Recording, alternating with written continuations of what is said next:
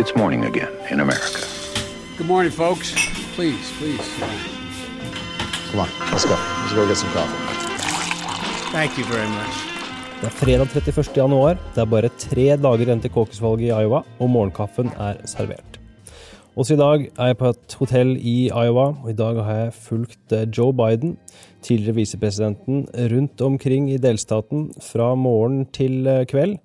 Det var eh, meget fascinerende og interessant å observere han og kampanjen på nært hold. Blir mye mer om det på patreon.com ampol, inkludert en liten podkast fra dagen med Biden.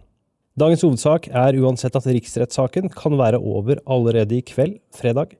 Sent torsdag kveld så satt nemlig det amerikanske pressekorpset og ventet på senator Lamar Alexander, republikaneren fra Tennessee, for å høre hva han hadde å si om å tillate vitner i Senatet i riksrettssaken mot Trump. Alexander hadde varslet at han snart ville komme med en uttalelse. Han sa senere at han hadde informert majoritetsleder Mitch McConnell om hva han kom til å gjøre, og så dette. Yeah, we got the statement from Lamar Alexander, and he is a no. That means that he's going to vote against moving forward on witnesses and documents, and that could mean the swift end to the president's impeachment trial. He says this I'll read you the statement that just came out. I worked with other senators to make sure that we have the right to ask for more documents and witnesses, but there is no need for more evidence to prove something that has already been proven and does not meet the United States Constitution's high bar for an impeachable offense. The Constitution does not give the Senate the power to remove the president from office and ban him from this year's ballot simply for actions that are inappropriate. Alexander ble sett som en potensielt fjerde stemme for å tillate vitner, noe som ville gitt demokraten muligheten til å introdusere flere vitner, som John Bolton, i saken. Alexander legger imidlertid ikke skjul på at han mener Trumps handlinger var upassende, men at det ikke trengs flere vitner for å bevise det. Så hva betyr dette? Mitch McConnell ser ut til å ha nok stemmer for å hindre vitneførsel, og riksrettssaken kan med andre ord være over allerede i kveld. Akkurat slik president Trump ønsket det. Dagens andre sak større optimisme blant republikanerne, ifølge en ny måling fra Pew Research Center. Demokratiske velgere står forent i kampen mot eh, Trump og er positive til det demokratiske feltet, ifølge denne målingen.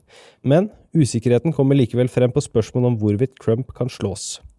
44% av demokratene forventer seier til partiets kandidat i november. 34% ønsker ikke å gi sin mening, mens 22% tror Trump kommer til å vinne. Optimismen er vesentlig større hos de replikanske velgerne. Her sier hele 80% at Trump sannsynligvis, eller helt sikkert, kommer til å vinne. På spørsmålet om valget i november kommer det frem at 48% av registrerte velgere sier at de sannsynligvis, eller helt sikkert, kommer til å stemme på den demokratiske kandidaten. På den andre siden sier 38% det samme om Trump, mens 13% ikke har noen preferanse. Dagens tredje sak hvordan ville Bernie Sanders' første dager som president sett ut? Ifølge to personer som står Sanders-kampanjen nær, samt et dokument Washington Post har fått tilgang til, så blir det skissert en rekke presidentordrer i Bernie Sanders' første dager som president dersom han skulle vinne valget. Mange av forslagene som avisen rapporterer om, innbefatter å reversere mye av Trumps politikk, import av reseptbelagte legemidler fra Canada, legalisering av marihuana gjennom Justisdepartementet samt full stans i byggingen av muren mot eh, Mexico er bare noen av planene som omtales. Videre blir det også nevnt at klima, minstelønn og abortspørsmålet vil være sentralt for Sanders.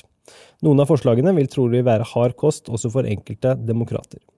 Et spørsmål som har blitt stilt i et eh, scenario med Sanders eh, som president, har nettopp vært hvor innstilt Vermont-senatoren vil være på å samarbeide med republikanerne. En slik tverrpolitisk tilnærming har f.eks. Joe Biden sagt at han vil jobbe for, men dette virker ikke nødvendigvis å være like sentralt for Sanders.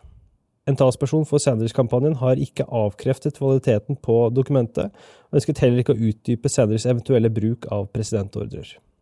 Helt til slutt skal vi nevne at Bernie Sanders er på lufta med en ny TV-reklame i Iowa, selv om han selv da har vært fast i Washington i forbindelse med riksrettssaken.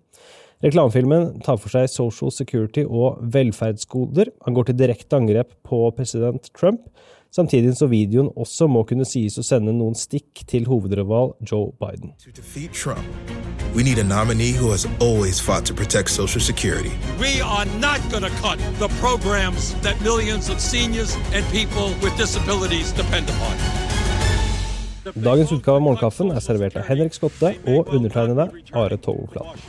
Du abonnerer ved å gå til ampol.no kaffen dersom du ønsker deg en lørdagsutgave av Morgenkaffen, og dersom du i tillegg ønsker deg daglige podkastoppdateringer fra Iowa, senere New Hampshire og South Carolina, så tar du turen til patrion.com ampol.